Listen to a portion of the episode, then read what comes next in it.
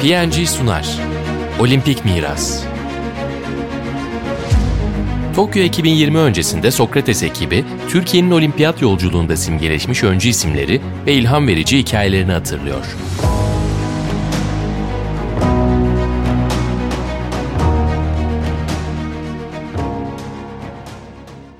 Sokrates Podcast yayınlarına hoş geldiniz sevgili dinleyiciler.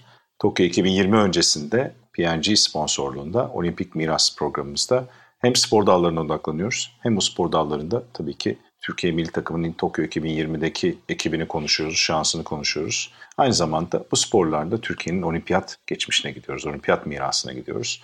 Bugünkü spor olarak konumuz ise güreş. Tabii ki Türkiye'nin olimpiyat tarihinde en önemli yer tutan atasporu denen tabii ki güreşe odaklanacağız. Ben Caner Bugün konuğum Aras Yetiş olacak. Aras özellikle son Sokrates Olimpiyat özel sayısına da önemli röportajlar yaptı. Daha önceden de güreş anlamında, özellikle de minder sporları anlamında önemli bir ilgisi olduğunu söyleyebilirim. Aras hoş geldin. Abi hoş bulduk. Çok teşekkürler. Sana konuk olmak bir onur bu podcast'te. Estağfurullah, estağfurullah. Peki atasporumuzdan bahsedeceğiz biraz. Evet. Öncelikle istersen geçmişe gidelim diyorum. Çünkü Tokyo 2020 takımını konuşacağız tabii ki. Son 10 yılda tekrar kendine gelen işte o 2000'lerde fetret devri denen bir ara tabii ki yine varlığını gösterir ama eski geçmiş o üst üste seri başarılardan biraz uzak kalan bir güreş dönemi var Türkiye milli takımının. Hem Greco-Romen'de hem serbest güreşte. Ama bir yandan da son 10 yılda hakikaten dünya şampiyonları, Avrupa şampiyonları, olimpiyat oyunlarına madalyalar çıkaran bir takıma tekrar dönüştü. İyi bir jenerasyon yakaladı Türkiye. Tokyo 2020'ye madalya adaylarıyla gidiyoruz. Ama öncelikle istersen bir geçmişe gidelim. Tabii Türkiye'nin güreş geçmişi olimpiyatın çok ötesine dayanıyor. Sonuçta hani Kırkpınar'dan tut, başka yerel özellikle yağlı güreş turnuvalarından tut. Olimpiyat geçmişinde Türkiye'nin olimpik sporlar arasında en temelde ekol yaratabildiği belki de ender sporlardan bir tanesi. Bir Türkiye ekolü olduğunu söyleyebiliriz güreşte. Bununla ilgili aslında neler söylemek istersin baştan? Abi kesinlikle öyle. Zaten hani çok temel bir istatistik vererek başlamak lazım aslında. Türkiye'nin 39 altın madalyası var şu ana kadar modern olimpiyatlarda. 29 tanesi güreşte gelmiş. Bu bile zaten birçok şeyi söylüyor. En yakını halter. 8 altın madalya var orada. Toplam 63 madalya. 18 gümüş, 16 bronz. Ki çok başarılı olduğumuz olimpiyat oyunları var. Geçmişte mesela 6 tane altın madalya alınan bir Londra var 1948. Yine 7 altın madalya alınan bir 1960 Roma var. Bunlar çok başarılı olimpiyat oyunları. Ve gerçekten o senin bahsettiğin ekolün tam anlamıyla gümbür gümbür çok büyük isimlerle birlikte olimpiyat seviyesinde yarışıldığı dönemler. Ve çok da dünyanın en iyisi diyebileceğimiz sporcuları her sporda çıkarmıyoruz maalesef. O kadar büyük Doğru. bir spor ekolüne sahip değiliz ama güreşte modern spor tarihinde birçok kendi döneminde en iyi diyebileceğimiz sporcu çıkardık. Aslında bununla ilgili tabii olay 1936'ya kadar gidiyor. Yani meşhur Ahmet Kireççi ya da daha bilinen ismiyle Mersinli Ahmet. Ben de Mersin doğumlu olarak tabii memlekettim.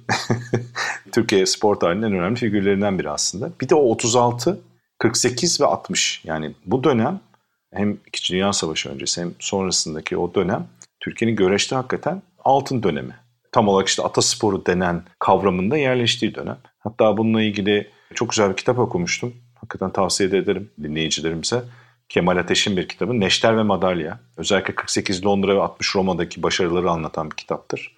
Yani işte 48'de Gazanfer Bilge, Nasuh Akar, Yaşar Doğu zaten o da bir büyük efsane. Celal Atik, işte Mersinli Ahmet yine hakeza, Mehmet Oktav. Hepsi altın madalya alıyor bu saydığım isimler. Ayrıca 4 gümüş bir bronz da alınıyor. 12 yıl sonra Roma'ya gidiliyor, 60 Roma. Müzehir Sille, Mithat Bayrak, Ahmet Bilek, Tevfik Kış, Mustafa Dağıstanlı, Hasan Güngör, İsmet Atlı hepsi altın madalyalar. Olağanüstü. Yani şu dönem olsa herhalde ortalık yıkılır. Bir de o dönemki imkanlarla oluyor bu. Aynen öyle ve devam ediyor yani. Tokyo'da iki altın var. Meksiko City'de iki altın var. Ve yani birçok madalya iki altının yanında. Üç gümüş var mesela Tokyo'da. İşte 70'li yılların başında 72 Münih'te Vehbi Akdağ bir gümüş madalya alıyor. Sonra biraz böyle esler girmeye başlıyor araya. 84 Los Angeles'ta 3 tane bronzumuz var. 90'lar başlarken tabii yine önemli isimler çıkıyor ortaya. Hamza Yerlikaya 96 Atlanta'da ve 2000 Sydney'de altın madalyaların sahibi oluyor. O anlamda özel bir noktada durduğunu söyleyebiliriz. Yine 96 Atlanta'da Mahmut Demir var. Ağır siklette altın madalyayı kazanıyor. serbestte. O da önemli bir isim yine bahsetmemiz gereken. Şöyle bir gelirsek senin bahsettiğin dönemden bugüne doğru. Peki benim hatırladığım şöyle bir şey var. Hatta özellikle de doğru hatırlıyor muyum diye kontrol ettim podcast öncesinde de çalışırken. O duraklama dönemi oluyor. İşte Hamza bir yandan aslında 96'da özellikle devreye gerekiyor. Ondan önce Akif Prim var mesela. Mehmet Akif Prim de çok iyi bir güreşçiydi hakikaten. İşte ağır siklette Kenan Şimşek vardı. O da serbestte çok iyiydi. Akif Prim Greco-Romen'deydi. Ama sonrasında yani duraklama dönemi oluyor dedin ki orada bir Hamza oluyor biraz da Mahmut Demir oluyor. Zaten bunun üzerine 90'ların ortası sonunda iki Rus antrenör geliyor Güreş Federasyonu getiriyor. Birisi Gennady Sapuno. Greco-Romen'deydi yanlış hatırlamıyorsam. Yuri Shahmuradov. Bunlar çok önemli iki antrenör. Sovyetler Birliği ve Rusya'nın zaten güreş ekolü malum. Tarihin en büyük herhalde senin de çok sevdiğini bildiğim bir güreşçi yetiştiriyorlar. Yani farklı güreşçiler var da istersen orada pası sana atayım. Herhalde olimpiyat tarihinin en önemli figürlerinden biri sadece güreşte değil. Karelin. Gerçekten çok acayip bir sporcu. Ben hani zaten özellikle dominant sporcuların bu inanılmaz zor profesyonel sporlardaki dominasyon hikayelerini okumayı çok severim. Araştırmayı, izlemeyi çok severim. Çünkü gerçekten inanılmaz bir şey. Yani bu spora hayatını vermiş insanları birer amatör gibi göstermek. Kareli'nin yaptığı şey kariyeri boyunca 2000'lere kadar 90'lı yıllar boyunca işte 80'lerin sonundan başlayarak güreş dünyasını korkutan adam Karelin ve o ekol Rus ekolünün bize de biraz sirayet edişi sonrasında şey efsanesi vardı hatırlarsın. Sibirya'da ayılarla güreşip hazırlanıyor diye. Hatırlıyorsun değil mi? Öyle bir hükümdarlığı vardı ki artık hani oraya gitmişti. Bu Leonardo DiCaprio'nun The Revenant mıydı son evet, evet, film. Evet. Orada hani e, ayıyla olan sahnesinin hani Kareli'nin gerçekten güreştiği söylenirdi. O kadar etkili bir isim. Abi 800 küsur maç kazanmış işte kariyerinde Düşün. yenilmeden. 6 sene puan vermemiş kariyerinin son bölümünde işte o Sydney'deki kaybettiği maçtan önce gerçekten akıl almaz istatistikleri var. Bir özel kaldırışı var. Yani rakipleri ağır siklet kendi gibi. Aslında hafif sikletlerle dövüşmüyor ama ağır sikletleri de kaldırıp atıyor. O meşhur Karel'in kaldırışıyla. Evet. Yani eğer izleyicilerimiz arasında hala görmemiş olan varsa bir bence izleyebilirler Karel'ini. Bazı güreşçilerin hakikaten stili çok özel ve zarif oluyor. Mesela Hamza da öyleydi. Yani bir de Greco-Romen tabii e, serbest stile nazaran belli kısıtlamalar olan o yüzden çok daha teknik nispeten gözüken yani serbest sonuçta diğerinin adı. Ama Greco-Romen'de mesela e, belli kaideler var. O kaideler üzerinden de tekniğinin çok iyi olması gerekiyor. Onun üzerinden de olağanüstü farklı jenerasyonların üzerine etkisi var. İşte bugün tekrar 2010'larda hem o Rus antrenörlerin eğitimi ardından işte arada başka isimler de oldu. Mesela Nazmi Avluca oldu. Çok, o da çok yetenekli bir güreşçiydi hakikaten. Ama sonrasında 2000'lerin ikinci yarısı, 2010'ların başı derken o biraz da o duraklama döneminden sonra Rıza Kayalp ve tahakkülle başlayan dönemde Hamza'nın ve o jenerasyondan etkilenmemiş olması zaten imkansız. Zaten röportajlarında da bahsediyorlar ki bu ay Temmuz sayısında yine tahakkülle İlhan çok güzel bir röportaj yaptı İlhan Özgen. Orada da bahsediyor zaten yani o dönemden nasıl etkilendiğinden. Bir yandan da güreş yetiştirme okullarından çıkışları. Yani hem okula gidip hem güreş eğitimi alıyorlar. O da çok önemli. Türkiye'deki en büyük sancılardan bir tanesidir. Tabii güreşe emniyet veriliyor bir yandan e, eğitim açısından. O da önemli öyle bir sistemin kurulmuş olması. O zaman biraz bizim bu Tokyo 2020'ye gidecek ve çok hani umut vadeden, çok ümit beslenen e, işte tahakkül başta olmak üzere serbestte. Greco-Romen'de Rıza Kayalp olmak üzere. İşte Süleyman Atlı var. Son dünya ikincisi Avrupa şampiyonu. Ki biz genelde ağır sikletlerde çok etkiliyizdir. Süleyman biraz daha hafif siklette mindere çıkan ve bir yandan da o anlamda farklı da bir etki yaratan bir güreşçi. E, kadın güreşçilerimiz hakikaten zaten Yasemin Adar son dönemin dünyadaki en önemli güreşçilerinden biri. Biraz bizim milli takım üzerine e, Tokyo 2020'ye giden hem Greco-Romen hem serbest takım üzerine istersen e, konuşalım. Tabii abi şöyle bir hani dilersen özetleyeyim ben başlamadan. Erkekler serbestte 57 kiloda Süleyman Atlı yarışacak. 86 kiloda Osman Göçen. 97 kiloda Süleyman Karadeniz. E, ağır siklette 125 kiloda Taha Akgül var. Kadınlar serbestte 50 kiloda Evin Demirhan, 76 kiloda Yasemin Adar. Ve erkekler Greco-Romen'de 3 sporcumuz var. 60 kiloda Kerem Kamal, 97 kiloda Cenk İldem, 130 kiloda yine ağır siklette Rıza Kayaalp. Süleyman'la başlayalım dilersen. Dünya ikinciliği olan bir sporcumuz. E, iki kez Avrupa şampiyonu ve son Avrupa şampiyonu aynı zamanda. Kilo düştü olimpiyat öncesinde dünya şampiyonasında. Ve şundan bahsediyor. Eğer geçen sene olsaydı kendimi yine bir şekilde hazırlardım ama bu seneki kadar hazır olmazdım diyor. Yani o bir sene erteleme hani kimi sporcuya iyi geldi, kimine gelmedi. Hı hı. Kimini daha şanslı kıldı, kimini daha şanssız kıldı. Şanslı kıldığı sporculardan bir tanesi Süleyman Atlı. 65'ten 57'ye düştü sklet olarak. E, Avrupa ve Dünya şampiyonluğuyla gelmek istiyordum olimpiyata. Yapamadım bunu Dünya şampiyonasında dedi. Talihsiz bir maç kaybettim. Ama olimpiyatta e, hedefim büyük diyor. Basitçe özetlemek gerekirse Süleyman Atlı. Rio'da son 16 turu görmüştü. Rio'da olimpiyat havası solumuştu. Ve bu tecrübeyle Tokyo'ya gidecek. Bizim umut vadeden sporcularımızdan bir tanesi kesinlikle. Peki istersen ta üzerine konuşalım. Yani 2016'da hakikaten genel anlamda iyi bir kadromuz vardı ama yani tabii ben olimpiyat oyunlarını çok madalya ve başarı üzerinden değerlendirmeme taraftarıyım her zaman. Tabii ki madalya kazanmak, başarı olmak önemli. Ama belli sporlarda belli bir temel oluşturup istikrar ve devamlılık oluşturmak sonra zaten madalyayı getiriyor. Yani güreş zaten onun en önemli örneklerinden biri. İşte şimdi jimnastikte onu belki de daha net meyvelerini göreceğiz. Üst üste 3 olimpiyat jimnastikçi gönderme durumu olacak. Şimdi burada Taha Akgül'ün hakikaten orada aldığı altın 2016 Rio'da kurtarıcı rolündeydi. Yani baskı da çok öyle. çok büyük oluyor bu tip sporcular üzerinde. Ama Taha tabii şimdi 30 yaşında, daha deneyimli. Kötü bir olimpiyat geçirdi. Süper bir olimpiyat geçirdi Rio'da, Londra sonrası. Şimdi o deneyimini kullanacak. Sen de dedin bir sakatlık da yaşadı. Ama sanki hem bize verdiği röportajda da İlhan'a çok moralli ve çok motive ne yapacağını çok bilir geldi bana. Hem sesi hem konuşmaları. Abi zaten yani şunu söylemek lazım. Taha bir efsane artık kendi sıkletinde, kendi branşında. Son olimpiyat şampiyonu, iki kez dünya şampiyonu, sekiz kez Avrupa şampiyonu. Dile kolay. Avrupa şampiyonluğu rekorunu kırdı. Serbest güreşte, ağır siklette ve artık gelmiş geçmiş en iyi güreşçilerden bir tanesi. O da aynı şekilde eğer olimpiyat geçen sene yapılsaydı sıkıntı yaşayabilirdi. O sakatlıktan geri döndü kendini hazırlamaya çalıştı ve yani biraz belki teknik değişiklikler de yaptığından bahsediyor. Mesela sol tarafım sağ tarafıma göre daha zayıf. Eskiden diğer ayağımı öne koyardım, şimdi sağ ayağımı öne koyuyorum.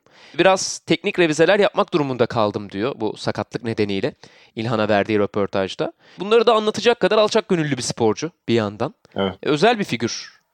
Röportaj için iletişim kurduğumuzda da hani çok samimi, çok tatlıydı hakikaten. Hatta bu arada attığı tweet de çok konuşuldu hatırlayacaksın. Evet, yani, evet. evet. Çünkü biz şimdi tabii bu podcast'i kaydediyoruz. Bundan 15-20 gün önce Türkiye Futbol Milli Takımı Euro 2020'de oynamaya başlarken tabii büyük bir heyecan ve atmosfer ve hakikaten hakimiyet oluşturmuştu. E tam da o sırada şimdi tabii düşünsene 4 yıldır hazırlanıyor hatta 5 yıldır hazırlanıyor artı birle olimpik sporcular. Ve çok sözü edilmiyor yani. Genelde biz olimpiyattan olimpiyata hatırlıyoruz ne yazık ki.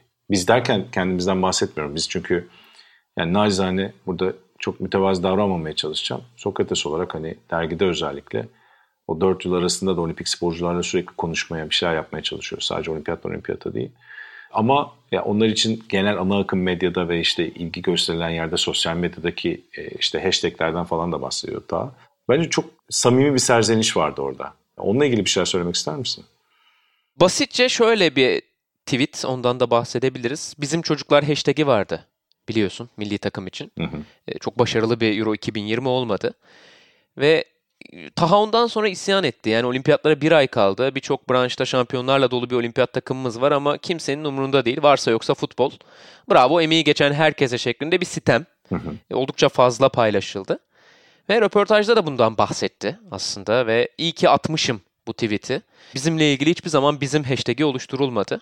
Bir birikmişlik vardı içimde. E, epey gündem olduğu için de mutluyum dedi. Basitçe anlatmak gerekirse yani biraz ilginin tabii e, başka sporlarda olmasına bir isyan. Sonuçta alanında dünyanın belki de en iyisi olan bir sporcunun kendini o ilgiden dışlanmış hissetmesi sonrasında ben de açıkçası katılıyorum Taha'ya sesini bu şekilde duyurması güzel oldu ve belki biraz gözleri açmıştır sağda solda. Şey anlaşılabilir tabii ki. Yani tabii ki futbol hatta basketbol daha çok ilginin yani sadece Türkiye'de değil çünkü bu. Dünyanın birçok ülkesinde böyle e, en azından belli popüler sporlar var dünyaca daha küresel. Daha ekonomik anlamda daha kuvvetli, daha büyük güce sahip. Ama biz o dengeyi biraz kuramıyoruz. Yani bazen 4 yılda bir hatırladığımız bazı spor dalları var Güreş bile bunlardan biri düşün yani. Hani yıllık bazı kırk pınarlar hariç ki yani burada sonuçta minder güreşinden bahsediyoruz şu anki konumuz. E işte arada bir dünya şampiyonasından işte madalya geldiğinde bir haber yapılıyor. O da küçük kutu şeklinde genelde yapılıyor. Şimdi böyle olunca tabii ki tabii ki bir isyan oluyor. Çok normal. Çünkü bir dengeyi kuramıyoruz ve üstüne üstlük şu da mesela sen 4 yıl şu anda 5 yıl oldu. Çok e, açıkçası hak ettikleri ilgi göstermiyorsun o sporculara genel olarak. Medya, içinde bulunduğumuz medyanın bunda hakikaten rolü çok fazla ne yazık ki. Sonra olimpiyata gidiyorlar. Ne yaptın? O dönemde nasıl geçirdin? Nasıl fedakarlıklar çalıştın? Belki sakatlandı. Belki bir sene antrenman yapamadı. Belki çok büyük problemler yaşadı. Belki özel hayatında problemler yaşadı. Biliyor musun? Bilmiyorsun. Çünkü ilgilenmemişsin o sürede. Sonra geliyor o sporcu e, işte mindere çıkıyor veya işte ok atıyor her neyse. E, havuza giriyor. Ve istediğini yapamayabilir. Performans baskısı var. E, o seneyi kötü geçirmiş olabilir. Olimpiyat çünkü tek bir performans şansın var.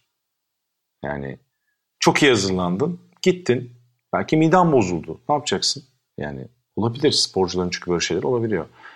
Ve hemen ondan sonra çok acımasız oluyoruz. İşte minderde gömüldük, havuzda boğulduk, sürekli boğulduk. Bu mesela bence sporcuları Türkiye'de yaklaşım açısından çok sakıncalı bir yaklaşım. Bunu hani güreş gibi de atasporu dediğimiz ve hep beklentilerin özellikle mindere çıktığında çok büyük olan, başarısızlığı çok sert, agresifçe eleştirilen ama arada ne yaptıklarına çok ilgilenmediğimiz sporculara da bu isyan çok normal. Çok da haklı hatta az bile yapıyorlar bence bu isyanda açıkçası. Ve bunu Taha'nın söylemesi bence çok önemli. X birisi değil hem takım kaptanı hem alanının en iyilerinden bir tanesi. O böyle hissediyorsa diğerleri ne hissediyor? Biraz belki ona da bakabiliriz. Tabii. Son 10 yılın dünyadaki en büyük güreşlerinden biri. Aynen öyle. Bir şundan bahsedelim Taha'yı geçmeden dilersen. Onun önemli bir rakibi olacak. Gürcü bir rakibi var. İki Dünya Şampiyonası finalinde karşılaştı. Geno Petriashvili. Muhtemelen yolları kesişecek bir noktada eğer işler yolunda giderse. O maçları, ona kaybettiği maçları yakın kaybettiği maçları çok üzülerek hatırlıyor. Kendimi kahrediyorum o maçlardan sonra dedi hatta. O eşleşmede de gözümüz olacaktır. Yani nasıl Rıza Kayaalp'in Miain Lopez gibi bir rakibi varsa o evet. Kübalı. Geno Petriashvili de Taha'nın o nemesisi diyelim. O rakibi. Hamza'nın da Thomas Zandberg şey hatırlarsın. aynen, aynen. Ama o belli sikletlerde belli dönemde aynı rakiple karşılaşma geleneği var hakikaten. Yani o bir rekabet Tabii. oluşuyor. Çok bir yandan güzel de bir şey bu arada. Aynen öyle.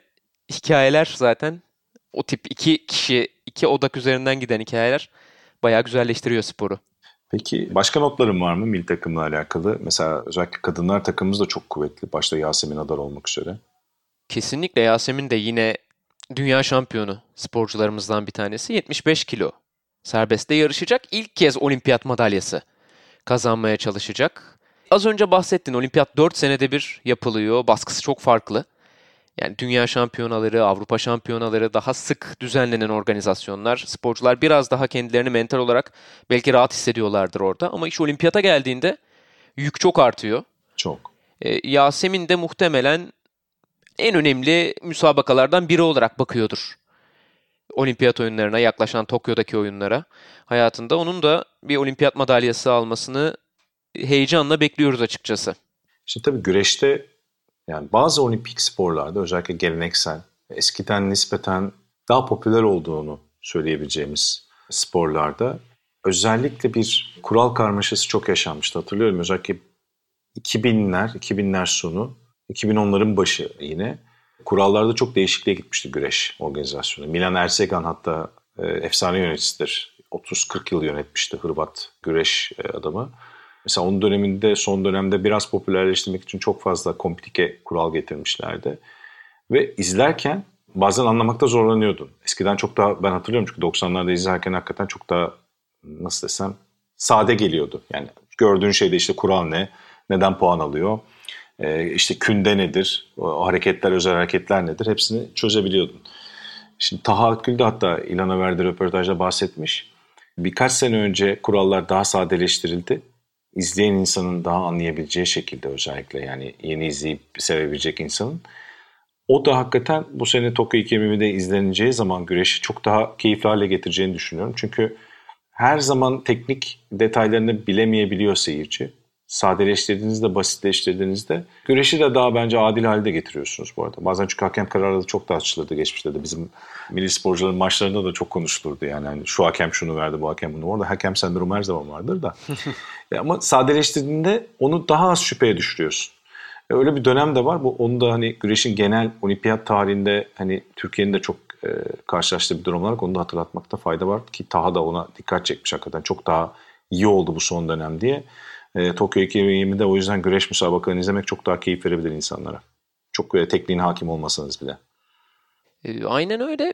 Bir de mesela az önce Karelin'den bahsetmiştik. Sen bu kural değişimlerinden bahsettin. Hı hı. O 2000'de Rulon Gardner'a kaybettiği maçta mesela o döneme kadar uygulanmayan yeni bir kural yüzünden maçı kaybetmişti.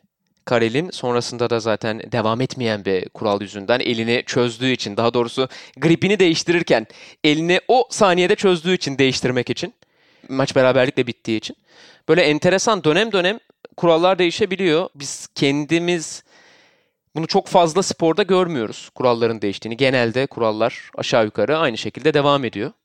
Ama güreş bu anlamda sen orada güzel bir konuya parmak bastın. Ender sporlardan bir tanesi. Bu arada tabii Taha ile İlhan'ın yaptığı röportajda çok güzel bir bölüm var. Babası da eskiden güreş yapan birisi Taha Gül'ün. Üç erkek kardeşler. Dört erkek sporcu bir yandan da. Ve anneleri hepsinin işte kahrını çekiyor işte çamaşırı yemesi içmesi. Dört tane güreşçiye bakmak cidden çok zor bir şey diyor. Yani düşünsene Taha gibi 100 kilo üstü arsiklet. Nasıl yemek yerler? Yani kolay değil. O yüzden sporcu annelerine ayrı bir takdir hak ettiğini söylemek lazım. Buradan da Taha Gül'ün de bir kendi sesini duyalım. Ona da teşekkür ediyoruz bu arada. Podcast programımıza bu anlamda konuk olmuş olacak. Taha Gül'ü dinleyelim.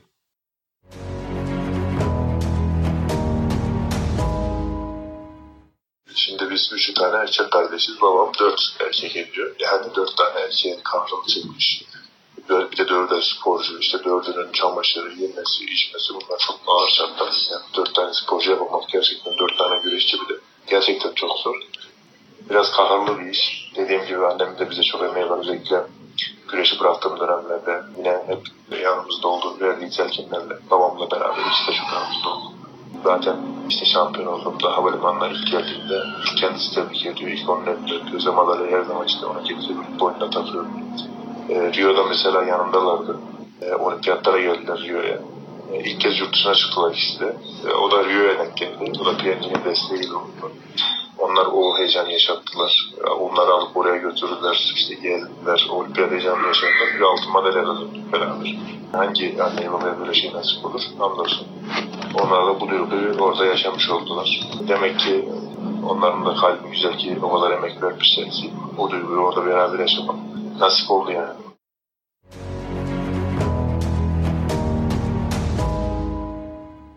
Taha'ya çok teşekkür ediyoruz bu arada. Hem röportaj verdiği için Sokrates hem bu hikayeyi anlattığı için.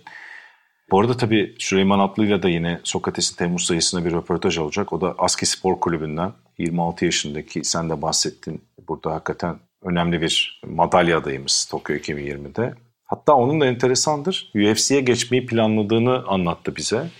E, Süleyman da işte çünkü çok ilgili olduğunu biliyoruz. Conor McGregor, işte Habib Nurmagomedov, İsrail Adesanya hatta Adesanya hayranı.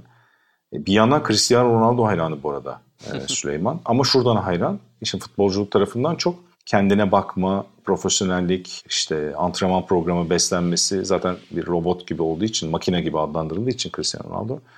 Süleyman'ın da öyle bir hayranlığı ya da örnek alması var diyeyim. Hayranlığın ötesinde. E, Süleyman da çok teşekkür ediyoruz. O da yine bu podcast programımız için bize güzel bir ses kaydı attı. Ona da buradan teşekkür ediyoruz. Süleyman da söz.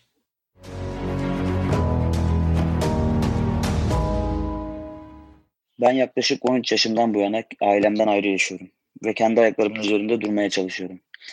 O dönemin şartlarını düşününce bu fedakarlığı hem ben hem de ailem yapmak zorundaydık. Bu sporda gelişebilmem için, iyi bir konuma gelmek için daha iyi eğitim almam gerekiyordu. Tabii o dönem çok zaman zor zamanlar geçirdik. Güreş ayakkabım yoktu, güreş mayom yoktu. Ama bana sahip çıkan bir ailem vardı. Ne yaptılar, ettiler bana bir şekilde tabii ki istediğim her şeyi yarattılar. Benim için önemli olan bu.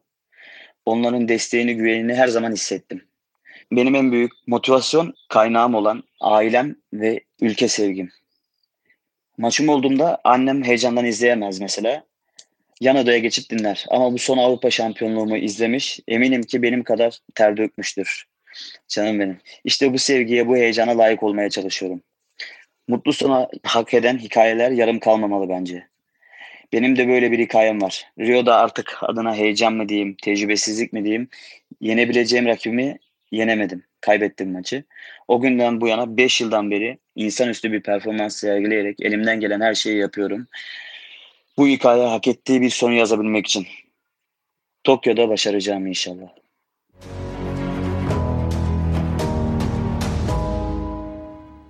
Evet, Süleyman'a da çok teşekkür ediyoruz. Hakikaten hem röportaj için zaman ayırdı hem bu ses kaydı için. O da tahakkülle beraber ve tabii ki özellikle erkek takımında yani hem Greco-Romen serbest tarafında en büyük madalya umutlarından biri de artık 31 yaşında o da tahakkül gibi çok deneyimli. Son 10 yılın dünyadaki en önemli güreşçilerinden biri ama bir türlü altın madalyaya ulaşamadı. Bir bronz bir gümüşü var. Rıza Kayaalp var aslında.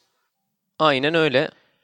Rıza da son derece önemli madalya umutlarımızdan biri senin söylediğin gibi 2012 Londra'da bronz almıştı. 2016 Rio'da gümüş almıştı.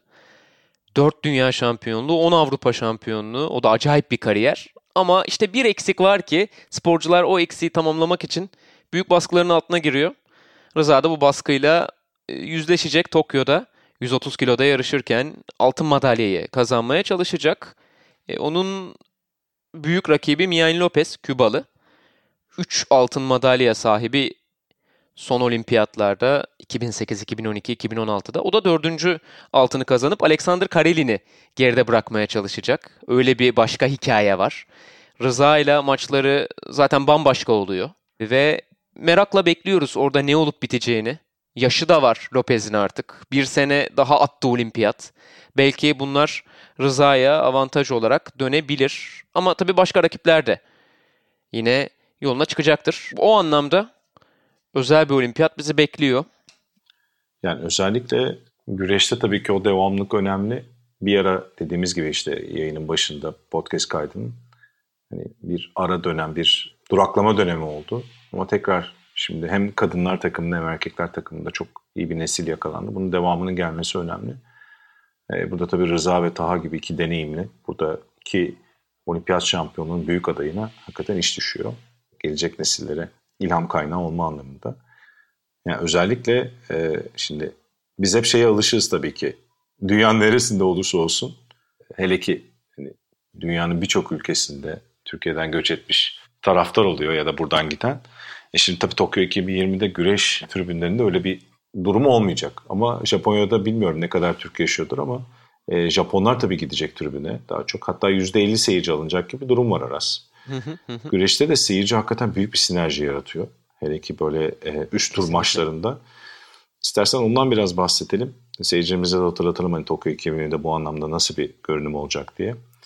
Tabii ben hemen Japonya Tokyo deyince Barış Manço bağlantısı aklıma gelmiyor değil. O konserler. Ee, belki oradan bir bağlantıyla seyirci Türk güreşçilere destek daha fazla olabilir mi? Ne dersin? Olabilir zaten seviyorlar Türkleri. Benim çok yakın bir arkadaşım yaşıyor bu arada Tokyo'da. Öyle mi? Muhtemelen gidemeyecektir. Yani dövüş sporlarına da meraklı aslında. e, olabilse gitmeyi ister muhtemelen ama kendi vatandaşlarına e, belli bir kapasiteyle açılma ihtimalinden bahsediyor. Tokyo Olimpiyat Oyunları Komitesi e, öncesinde. Senin de dediğin gibi atmosfer çok önemli. O minderle zaten iç içe seyirciler de çok yakın. Baya baya e, bir seyirci sporu güreş. Ama Japonya'nın kendi bir güreşi de var. Güreşe ve kontak sporlarına, dövüş sporlarına özel bir yakınlığı var. Zaten dövüş sporları dendiğinde akla gelen uluslar ilk etapta uzak doğu ulusları oluyor. Ben o yüzden güreşi, güreş müsabakalarını, boks müsabakalarını, bu tip işte tekvandosunu, judosunu bir ekstra keyifle izleyeceklerini düşünüyorum. Ve bence bizim sporcularımız da oradan paylarına düşen desteği alacaktır. Özellikle tabii senin bahsettiğin sumo güreşleri. Zamanında Eurosport'ta bir dönem bir buçuk sene anlatma şansım olmuştu. Hatta Asashori o zaman dünyanın bir numarası olmuştu. Moğol kökenli bir sumo güreşçisiydi. O anlamda inanılmaz bir seyirci atmosferi oluşturuyorlardı. Onlar için o minder sporları o açıdan önemli. Bir yandan tabii ki farklı belki minder yapısı var sumo'nun ama Sonuçta bazıları güreş kökenli zaten o sporcuların. O yüzden de dediğin gibi güreş müsabakalarına muhtemelen Japon yerel e, seyirciler, Tokyo'lular çok ilgi gösterecektir diye tahmin ediyorum. Senin söylemek istediğin son notlar var mıydı? Yoksa yavaş yavaş zaten toparlamaya çalışalım. Yani ben takımımıza başarılar diliyorum, sporcularımıza başarılar diliyorum.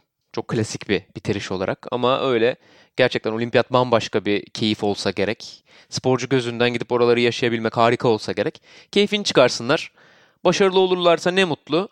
Biz de büyük keyif alırız ama en önemlisi tadını çıkarmaları tabii her şeyden önce. Ya çok haklısın. Yani madalya alamadıklarında dünyanın sonu olmaması gerekiyor. Asıl mesele o. Aldıklarında evet çok mutlu olunabilir. Çok güzel biz de mutlu olacağız zaten. İşte Tahakkül, Süleyman Atlı, Rıza, Yasemin hepsi bütün takım. Ama olamadığında da sonuçta başka şanslar da olacaktır. Olmasa da o onların sporculuğundan büyük şeyler götürmeyecek. Sonuçta bu kadar yıl çalışılıyor ve tek bir madalya, altın madalya var zaten. Onun dışında da e, burada Taha'nın konuşmasında hoşuma giden bir şey var. Yani bir sonrasını da düşünüyor. Mesela 2024 Paris'i de hedefliyor. Üst üste 3 altın neden olmasın diyor. O da güzel. Umarım öyle bir hedefi de gerçekleştirme ya da başarıyı üst üste 3 altın çünkü hiç kolay bir şey değil. Herhangi bir spor dalında, herhangi bir madalyada, e, kategoride. E, o yüzden de buradan bütün güreş takımına hakikaten biz de iyi şanslar diliyoruz. 24 Temmuz'da başlayacak olimpiyat oyunlarında Tokyo'da. Umarım e, hepsinin yüzleri daha doğrusu güler minderde diyelim e, günün sonunda. Aras ağzına sağlık.